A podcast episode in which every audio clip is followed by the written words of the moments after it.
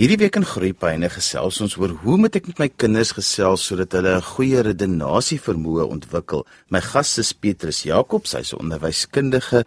Petrus, die manier hoe ek met my kinders gesels is maar die ding wat by kinders die vermoë ontwikkel om oor onderwerpe te kan redeneer, te dink en net te gesels. Hoe benader 'n mens dit? Sjoe, ja, Johan, 'n baie akkurate ding wat jy nou daar sê. Weet jy, my aanname is dat die kommunikasie met die kind is 'n is 'n oper kommunikasie en dat daar 'n eerlike vorm van kommunikasie tussen die ouer en die kind is om hierdie tipe van gesprekvoering te kan hê. En wat ek bedoel met hierdie tipe van gesprekvoering is dat om te kan redeneer oor 'n bepaalde saak verg juis dat ek as ouer van my kind verskil of dat my kind van my as ouer kan verskil. Want Johan, as ek nie met my kind kan verskil nie of andersom, dan beteken dit eintlik is ons mos nou nie besig om te redeneer nie. En daarom moet daar 'n uh, uh, oop kommunikasie tussen ouer en kind wees om dan nou by hierdie vorm van kommunikasie met ander woorde om te kan redeneer te kan uitkom.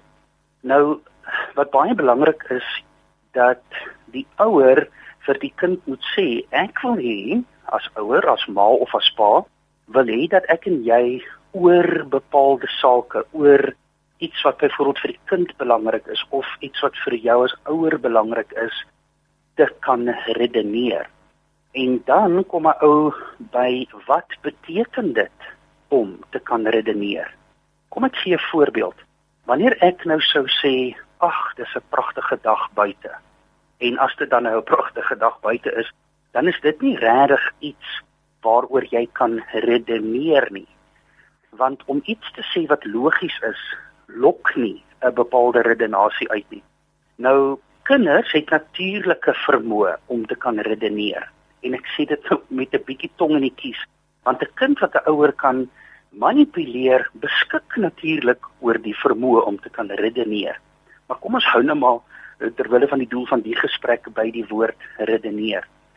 So die ouer en die kind moet verstaan wat beteken dit om te redeneer. Dit beteken ek neem standpunt oor iets en ek wil hê jy moet graag van my verskil want dan is ons in 'n redenasie. Ek weet 'n uh, saak wat nou nogal dikwels deur ouers en kinders bespreek word is iets soos byvoorbeeld sakgeld. Nou sekere ouers glo En onthou nou, dit hang ook af van die ouderdom van die kind. Maar kom ons sê nou maar 'n 'n laerskoolkind wat byvoorbeeld R150 'n maand sakgeld wil hê. Nou as dit is dat jy as ouer voel nee, my kind hoef nie sakgeld te verdien nie, dan beteken dit nie jy hoef net standpunt in te neem en vir jou kind te sê nee, dit gaan nie gebeur nie. Jy sal nie sakgeld kry nie. Kom ons en ek sê dit nou ook ligter. Kom ons maak dit oop vir gesprek. Kom ons dink saam hieroor en wanneer ons saam dink hieroor, dan beteken dit ons gaan die saak beredeneer. Nou kan jy as ouer 'n rede gee vir hoekom jy sê jy dink nie jou kind moet sakgeld kry nie en dit gaan dan gesprek uitlok en jou kind kan sê hoekom hy of sy dink dat daar wel sakgeld op die ewe ter tafel moet wees. Of Nou die rede hoekom hierdie 'n pragtige ding is is wanneer 'n ouer vir 'n kind of wanneer 'n ouer dink ek gaan nie vir my kinders sakgeld gee nie. En jy deel nie die redes met die kind nie. Veroorsaak dit waarskynlik konflik as dit die kind se verwagting is dat ek gaan sakgeld kry en nou sê die ma of die pa nee, jy gaan nie sakgeld kry nie. Terwyl wanneer daar oop gesprek is via hierdie redenasie dan is daar 'n beter kans dat die kind gaan insien hoekom die ouer of ouers nie sakgeld wil gee nie. Maar Johan, die teendeel gebeur ook waar die ouer nadat die ouer geluister het na die kind kan agterkom, "Haai, maar weet jy dit maak sin dat my kind sal leer om beter met geld te werk wanneer hulle hulle eie sakgeld het." Of die kind kan dalk kom met 'n argument soos Hoe gaan ek ooit leer om met geld te werk en om foute te maak sodat ek kan leer uit my foute uit as ek nie my eie geld verdien nie? of waar die geval ook al mag wees. So daar's dikwels pragtige dinge wat uitkom wanneer ouers bereid is om daai oop kommunikasiekanaal met 'n kind te hê en dan die kind die vrymoedigheid het om in daai gesprek deel te neem. So lank storie kort gemaak, die oop kommunikasie moet daar wees. En dan moet die kind verstaan wat beteken dit om te redeneer dat die kind en of die ouer nie dink hier is nou 'n argument nie. Maar die oomblik wat dit 'n argument word, met ander woorde nou baklei ons, ons sit nou vas. Dan bereik jy nie wat jy wil bereik nie. Dan is dit 'n tipiese konfliksituasie in plaas van 'n redenaars situasie. En kinders moet geleer word hoe om te redeneer. Kom ek gee 'n voorbeeld. Kom ons gebruik selfone as 'n voorbeeld. Kind X is 12 jaar oud en omdat al sy maats of haar maats nou op 12 jarige ouderdom reeds 'n selfoon het, is die kind se verwagting dat ek nou ook 'n selfoon mag hê. Nou om watter redes kan jy as ouer dalk voel nee, jy dink dit is nodig vir jou kind om 'n selfoon te hê nie? Dan lok dit nou 'n pragtige gesprek uit tussen jou en jou kind. Om te sê maar goed, hoekom dink jy jy moet 'n selfoon hê? en dan gee jy as ouer jou redes vir hoekom jy glo die kind hoef nie 'n selfoon te hê. En nou kom ek gee 'n voorbeeld. Wanneer 'n kind sê ja mamma of ja ma pa, my maatjie A B en C het ook selfone. Dan die kind moet besef dat dit is nog nie 'n rede vir hoekom jy 'n selfoon moet hê nie. Dis nog nie 'n geldige 'n soliede 'n pertinente rede of sogenaamde bewys vir hoekom jy as kind 'n selfoon moet hê nie. Want om jouself te vergelyk met ander mense gee nog nie vir die ouer genoeg rede om dan met jou saam te stem of om dan self van plan te verander en dan net te sê goed ons sal kyk vir 'n selfoon nie. Maak dit sin Johan?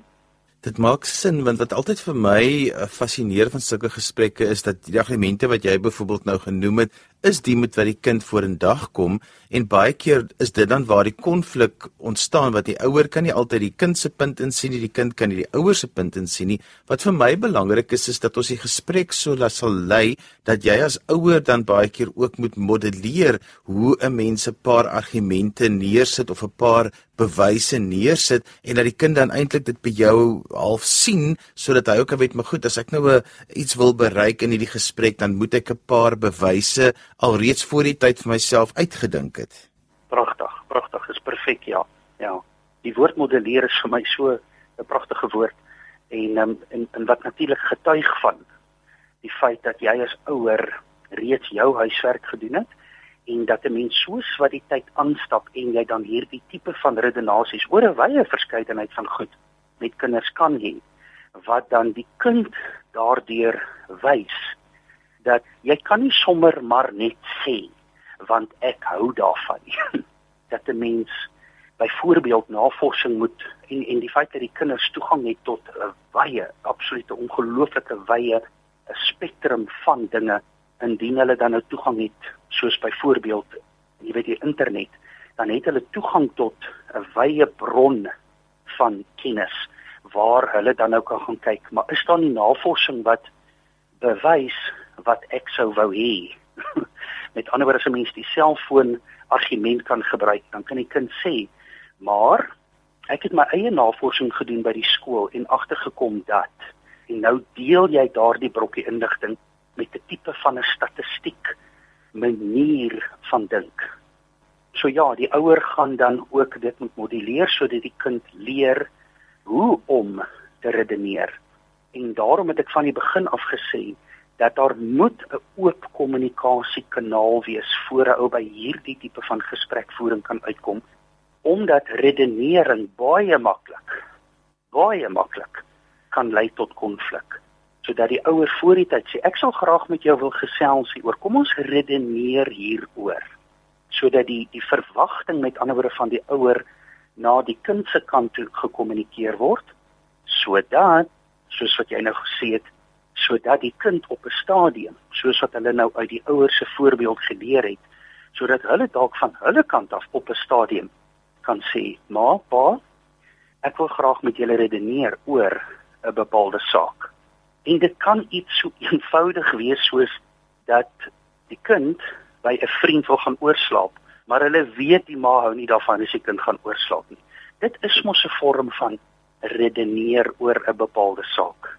Ons gesels vandag oor redenasie vermoë, hoe ontwikkel ek denke by my kind sodat as my kind met my wil gesels oor iets dat hulle darm kan redeneer daaroor want dit is 'n vaardigheid wat hulle vir die res van hulle lewe eintlik gaan baie nodig hê. My gas is onderwyskundige Petrus Jacobs. Petrus, hoe keer ek dat ek nie kwaad raak as my kind nou met 'n argument kom wat ek eintlik dink is sommer net 'n simpel argument en dat ek dit nie net sal afmaak nie, maar dat ek met daardie argument sal werk? Johan, uitstekende vraag. Om daai vraag te kan beantwoord, deel ek graag die volgende inligting. Dat volgens die World Economic Forum se navorsing wat hulle gedoen het in 2015 en wat hulle toe nou weer in 2018 bekend gemaak het.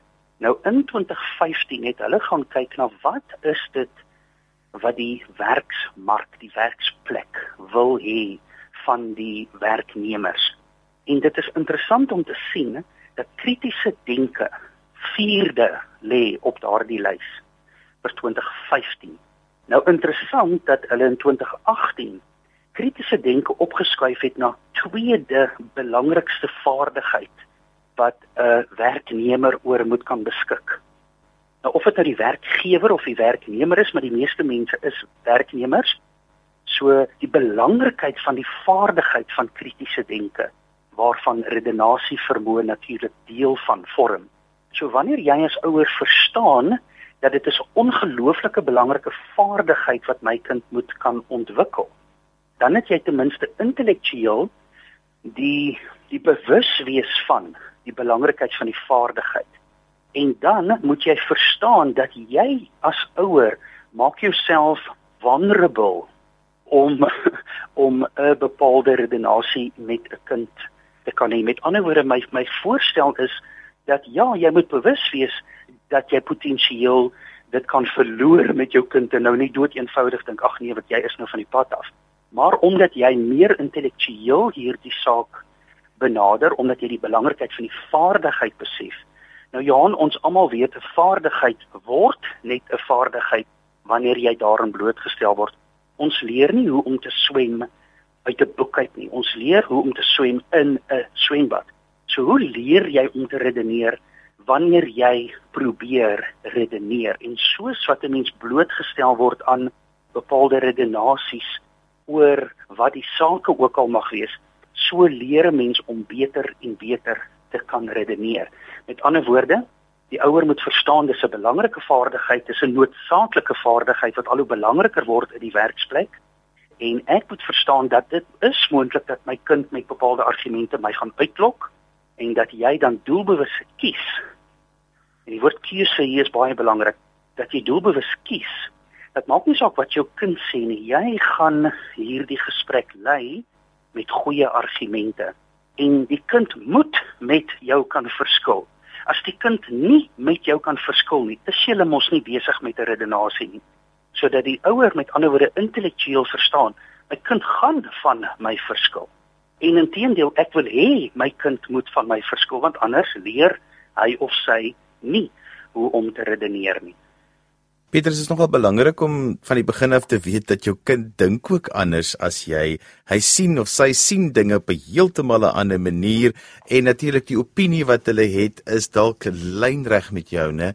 So is nogal belangrik om die kind te leer om te redeneer vir jou om die regte vrae te vra want die kind druk homself dalk uit met 'n argument maar hy druk dit self op 'n manier uit wat jy dink ek verstaan nie regtig wat jy sê nie maar wat jy ook al sê krap my om. Sodat 'n mens eers 'n paar vrae vra voor jy net die argument afskiet en sê ag wat dit is nou sommer net snert.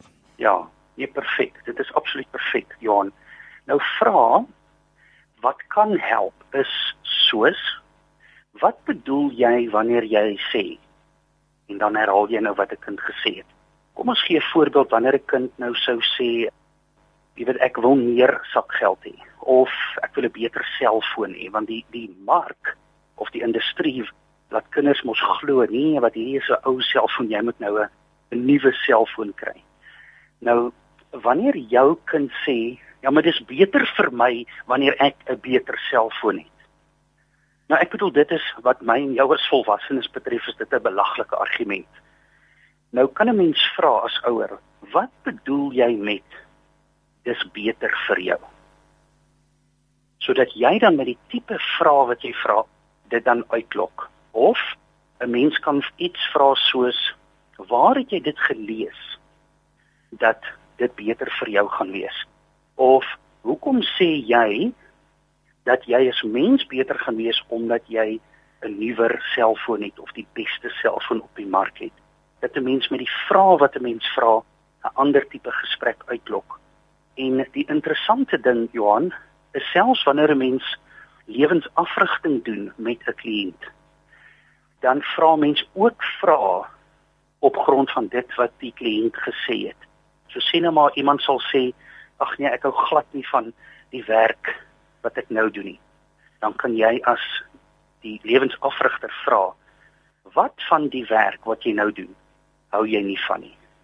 So ek en jy is totaal en al baie baie dikwels in ons lewe blootgestel aan omstandighede of aan situasies waar ons meer inligting wil inwin sodat ons 'n beter idee het van wat gaan in die ander persoon se kop aan sodat ons dan by die ding wat ons noem die vaardigheid wat ons noem empatie te kan uitkom want as ek en jy as volwassene nie die vermoë het om ander om tipe van te probeer om onsself in iemand anders se skoene te sit nie dan gaan ons nie empatie kan hê nie En dis presies dieselfde wat ons met ons kinders moet doen.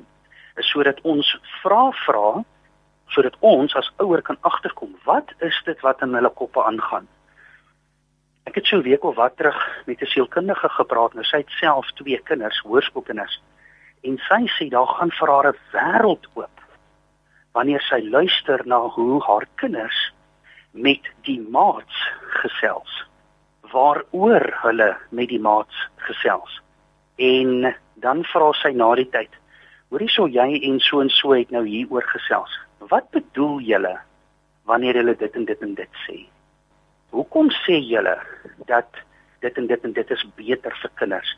Of wat ook al die geval mag wees. So ja Johan om vrae te vra. En natuurlik ook die manier waarop jy die vrae vra is belangrik.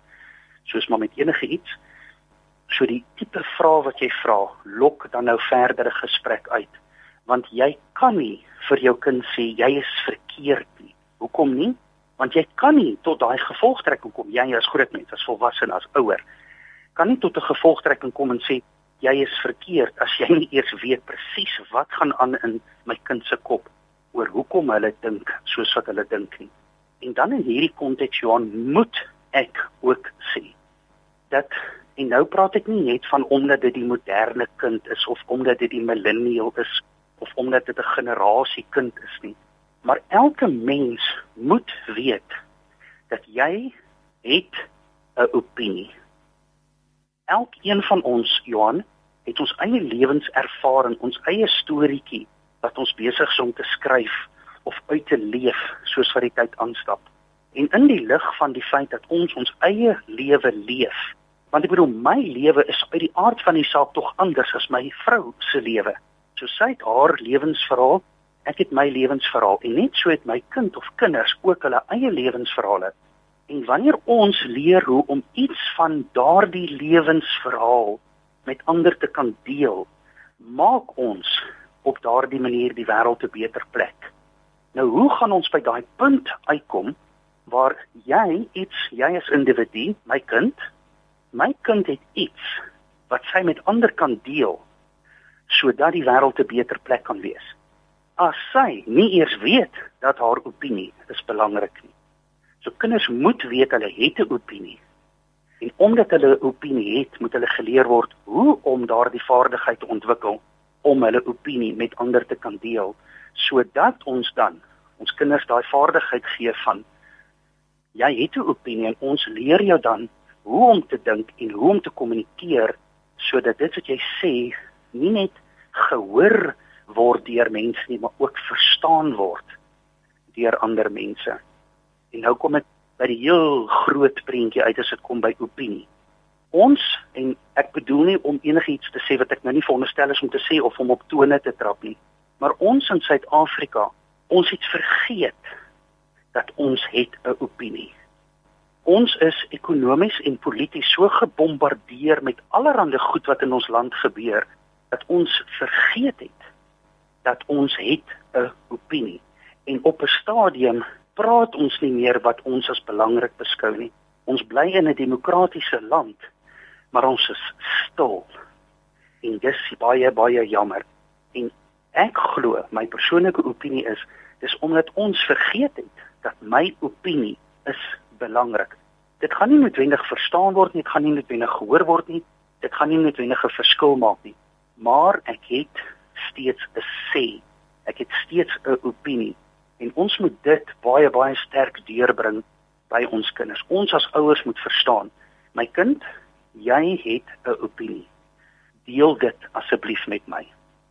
En dan net so ten slotte van my kant af wat ook vir my altyd belangrik is met sulke gesprekke is om na so rukkie nadat die gesprek verby is met jou kind te gesels om te sê kom ons reflekteer gou oor die gesprek. Waar dink jy het ons goed gevaar met hierdie gesprek? Waar dink jy het ek dit so bietjie verloor? Waar dink jy het jy dit so bietjie verloor? Waar dink jy was jou argument in lyn met wat ons oor wou gesels het? Waar kon ons beter argumente gee? Dit is belangrik dat mense bietjie sal dink oor die gesprek want dat die kind ook kan weet hy moet jou kan lees tydens so 'n redenasie om te weet wat kan ek sê, wat kan ek nie sê nie en dis so ten slotte Petrus. Fantasties, baie baie akkuraat. Dankie Johan. En daarmee is gekom aan die einde van vandag se program. Ons het 'n bietjie gesels oor hoe gesels ek met my kinders om hulle te leer om beter te redeneer en te dink en ook 'n bietjie krities te wees en ook te sê wat hulle opinie het ook 'n waarde. Skryf gerus my e-pos by groeipyne@rsg.co.za. As jy sopas ingeskakel het, jy kan ook weer na vandag se program luister as 'n potgooi. Laai dit af by rsg.co.za. Dan groet ek dan vir vandag tot volgende week van my Johan van Lille. Totsiens.